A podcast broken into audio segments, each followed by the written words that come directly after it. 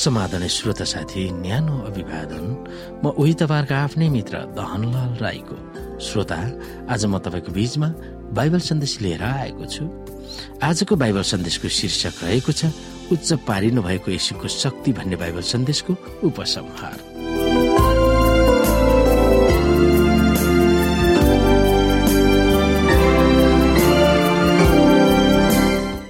श्रोत साथी यसुलाई उच्च पारीको वर्णन लेखिएको दिदी एलएनजी व्हाइटले यी दुई अंशहरूको अध्ययन गराउनु भएको छ जसमा हामी हेर्न सक्छौ एक्टस अफ द एयापोर्टस पृष्ठ नम्बर अडतिसदेखि उन्चालिसमा लेखिएको कुरा। जब यसु पृथ्वीबाट उक्लनु भयो तब उहाँ स्वर्गका ढोकाहरूबाट पस्नु भएको थियो। स्वर्गदूतहरूको जय जयकार ध्वनिको बीचमा उहाँलाई सिंहासनमा बसालिएको थियो। यसुलाई सम्मान गर्ने समारोह सम्पन्न भएको लगतै पवित्र आत्मा चेलाहरूमा ठुलो प्रभावसाथ ओर्नु भएको थियो र ख्रिसलाई महिमित गराइएको थियो। जुन महिमा परमेश्वर पितासँग सारा अनन्त युगदेखि थियो पेन्तिकोसमा पवित्र आत्मा खनिनु भएकोले यो देखाएको थियो कि मुक्तिदाताको उद्घाटन समारोह सम्पन्न भयो भनेर स्वर्गले खबर दिएको थियो। उहाँको प्रतिज्ञा अनुसार उहाँले स्वर्गबाट उहाँका अनुयायीहरूलाई पवित्र आत्मा उहाँले पठाउनु भएको थियो। चेलाहरूमा खनिएको पवित्र आत्माले यो खबर दिएको थियो कि यसु पुजारी र राजा हुनुभएको हैसियतले सारा स्वर्ग र पृथ्वीको अधिकार उहाँले पाउनुभयो र उहाँका जनहरूमाथि उहाँ अभिषेक गरिएको प्रभु हुन पुग्नु भएको थियो। पिताका हात पाखुराहरूले उहाँका पुत्रलाई घेरिरहेको थियो र यो वचन उहाँले उच्चारण गर्नुभएको थियो। परमेश्वरका सबै स्वर्गदूतहरूले उहाँको आराधना गरोस्। हिब्रू एकको छ। उच्चारण नै गर्न नसकिने आनन्दले सारा शासकहरू र अधिकारवालाहरू र शक्तिहरूले जीवनको राजकुमारको सर्वोच्चतालाई स्वीकारेका थिए। स्वर्गका स्वर्गदूतहरूको फौजले उहाँको सामु घोप्टो परे। जम्मा भएका जीवहरूको खुसियालीको यो आवाजले स्वर्गका कक्षीहरूमा भरिएको थियो। तिनीहरू चर्को स्वरले यसो भनिरहेका थिए। मारिएका थुमा सामर्थ्य वैभव शक्ति बुद्धि शक्ति सम्मान महिमा र स्थिति ग्रहण गर्ने योग्यका हुनुहुन्छ। स्वर्गदूतहरूले बजाएका तार बाजा हार्पहरूसँग मिसिएर निकालिएको विजयको संगीतले सारा स्वर्ग नै आनन्द र स्थितिले भरिभराउ भएको थियो। प्रेमको जित भयो हराएको भेटाइयो सारा स्वर्गमा उच्च स्वरमा आवाजहरू निकाल्दै यो घोषणा गरिएको थियो।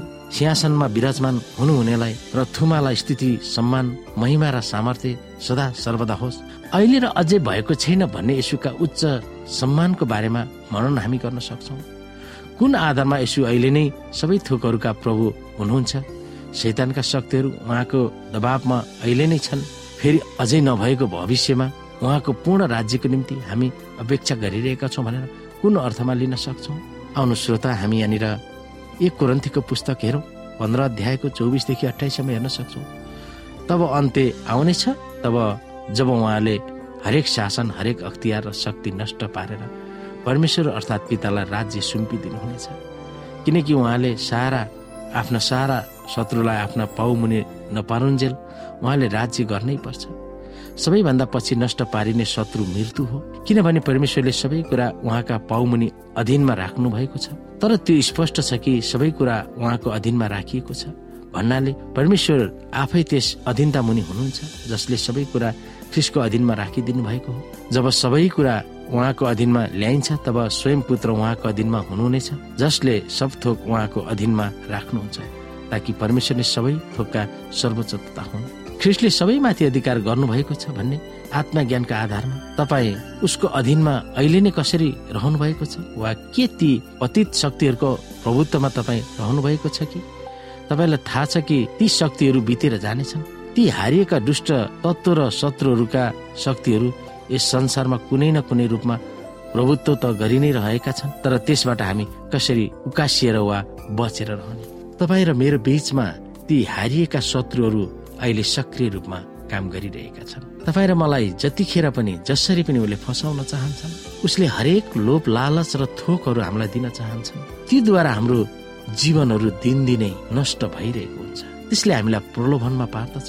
हाम्रा प्रतिको विश्वासहरूलाई डगमगाएर त्यसले आफ्नो विश्वास लादिदिन्छ।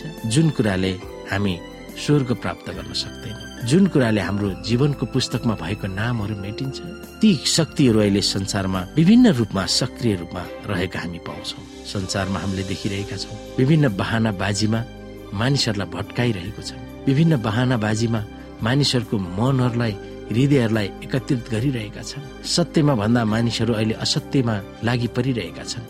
परमेश्वरको विरुद्धमा गर्ने कार्यहरूमा उनीहरू सक्रिय रूपमा लागि परिरहेका छन्। कुनै न कुनैको मानिसको दिलमा भएर उनीहरूले ती कामहरू पुरा गरिरहेका छन्। ती कुराहरू हामी बुझ्न सक्छौ कसरी तिनीहरूको जालबाट र कसरी हामी बच्न सक्छौ तिनीहरूको धरापबाट हामी कसरी छुट्न सक्छौ। प्रार्थनाका साथ हामीले हाम्रो जीवनलाई अगाडि बढाउनु पर्दछ। तब मात्र हामी तिनीहरूको पासोबाट हामी उम्कन सक्दछौँ। यहाँ भनिएको छ ती हारिएका दुष्ट तत्व र शत्रुहरूका शक्तिहरू यस संसारमा कुनै न कुनै रूपमा प्रभुत्व त गरि नै रहेका छन्। तर त्यसबाट हामी कसरी बच्न सक्छौँ? त्यसले हामीलाई उकासेर फसाउन चाहन्छ र त्यो उकासिएर वा बचेर हामी कसरी हिँड्न सक्छौँ? ती विषयहरूमा हामी सोच्न सक्दछौँ।